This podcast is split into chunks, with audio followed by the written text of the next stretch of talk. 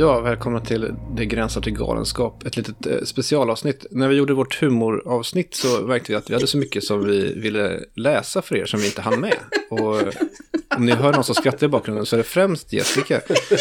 Eh, som, eh, när hon har återhämtat sig, kommer dela med sig av någonting som hon kommer att läsa här. Alltså det här, det här, ja, det här, det här kan vara det roligaste jag läst i hela mitt liv. Nu har vi ingen som helst förväntan. Nu har du sänkt förväntningarna enormt. Ja. Fruktansvärt roligt. Okej. Bakgrund då. Eh, det fanns en författare som hette Åke Holmberg som skrev många böcker om en privat detektiv som heter Ture Sventon. Som jag älskade både när jag var liten och när jag var ung och jag älskar dem även nu när jag är gammal. Eh, och senare i livet så kom jag också i kontakt med eh, författaren P.G. Wodehouse och insåg att Åke Holmberg är ättling litterärt och stilistiskt i rakt nedstigande led till P.G. Wodehouse.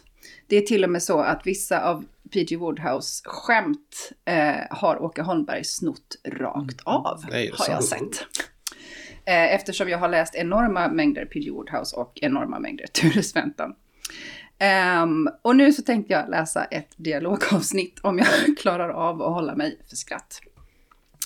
Det är alltså så att eh, Ture Sventon har blivit anlitad av en varuhusdirektör som heter direktör Nickel för att det har skett stölder på varuhuset. Och då låter det så här. Varsågod och sitt, sa direktören till Sventon som redan satt. Själv satte han sig vid skrivbordet. Hur går spaningarna? Utmärkt. Något nytt? Ja. Vadå? Grannen. Grannen? Ja. Vilken? Valparaiso. Valparaiso? Ja. Här bredvid. Ja. Ni menar väl inte? Jo. Men det är inte möjligt. Jo. Valparaiso. Ja. Det är omöjligt. Det är möjligt att det är omöjligt. Men det är han. Han! Ja. Det är inte möjligt, säger jag. Det är möjligt att det inte är möjligt, men det är han. Men kan det inte vara? Nej. Ni tror alltså ja. Och det kan inte möjligen? Nej. Ni har bevis? Ja. Är ni absolut säker? Absolut. Verkligen. Absolut. Ture Sventon hade en krypande förnimmelse av att detta samtal skulle kunna fortsätta hur länge som helst.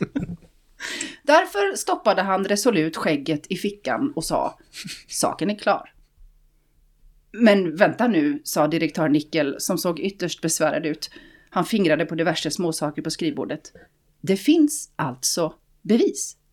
Massor. Verkligen? Ja. Vad för bevis, ifall man får fråga? Och resten får ni läsa själva. Men framförallt så var det väldigt Åh, herregud. bra dialog, tycker jag. Alltså, Fruktansvärt bra dialog. inget i onödan där. Liksom. Inget i onödan. Less is more. Och Ja. inte för inte så har Elin och jag förr i tiden när vi höll eh, skrivarkurser på studieförbund använt just det här stycket som exempel på en väldigt, väldigt, väldigt välskriven dialog. Absolut. Huh, ja, herregud. Jag har mer barn och ungdomslitteratur då. Eh, och det här, den här, det här är en bok som jag inte har läst men som Jessica har berättat för, om för mig. Eh, det är andra delen i syskonen Baudelaires olycksaliga liv av eh, Lemony Snicket. Eh, och jag kan nog inte läsa hela men ni kommer snabbt att förstå. Det är liksom en överraskningseffekt kan man säga. Jag tror nästan du kan läsa hela. Faktiskt.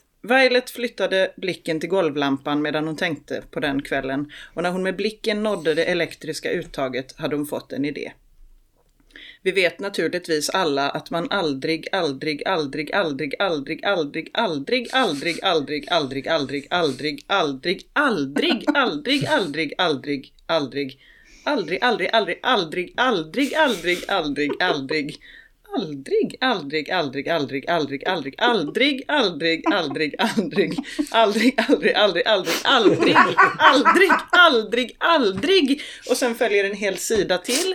Jag hoppar över den. Aldrig, aldrig, aldrig, aldrig någonsin får mixtra med elektrisk utrustning. Aldrig.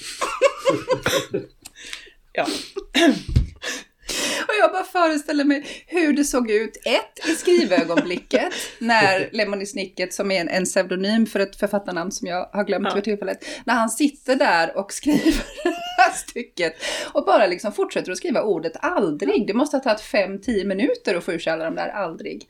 Och sen nästa steg, när den här texten kommer till redaktören och redaktören frågar varför i helvete det står aldrig på ett helt Och det tredje A4. steget när det görs ljudbok av den. Ja, vilken är en helt fantastisk inläsning. Den. Ja, för sånt här måste ju bli mycket roligare. När man läser ja. upp Ja. det liksom. För det Ja. finns ju hela tiden överraskningsmomentet. Hur länge ska det här hålla på liksom? För det blir ju inte roligt när man Nej. säger så här, hopp, ja ja, Nej. så förstår man grejen Det är en liksom. på något sida. sätt. Ja. Men det, och, det, ja. Åh, herregud. Ja.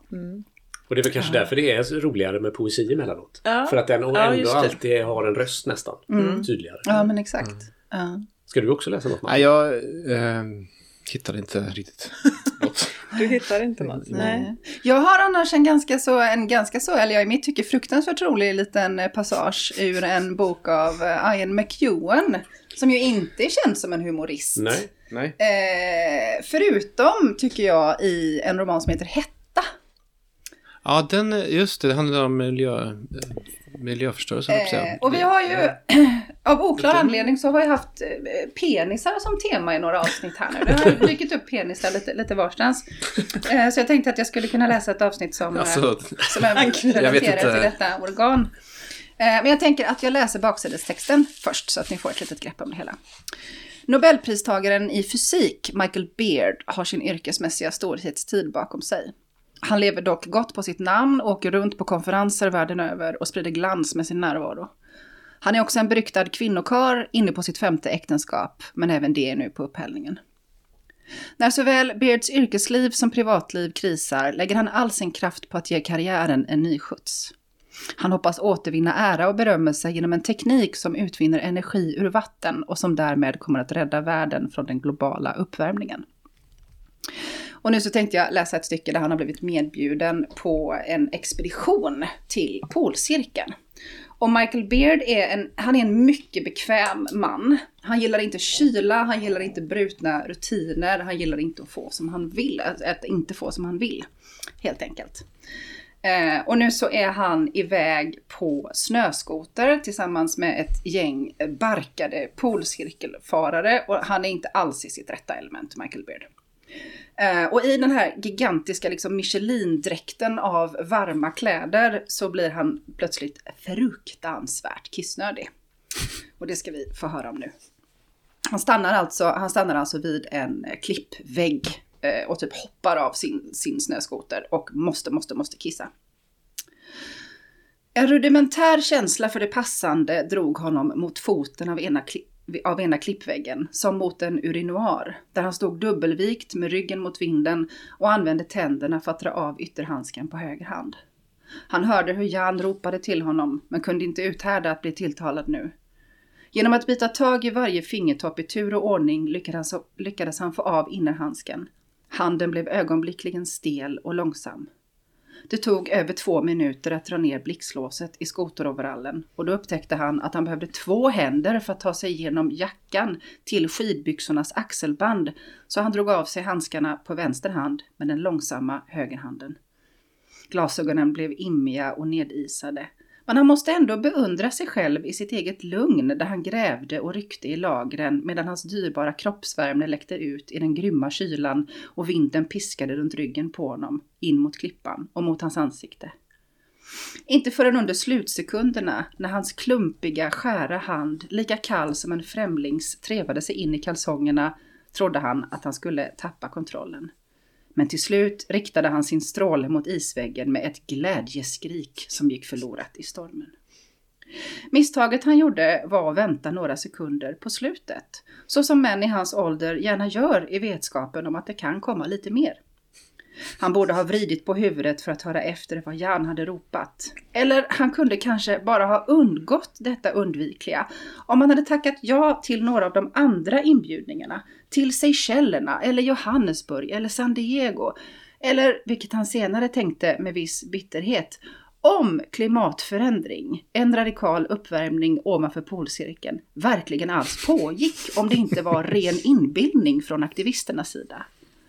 För när han hade uträttat sitt behov upptäckte han att penisen hade satt sig fast i skoteroverallens blixtlås.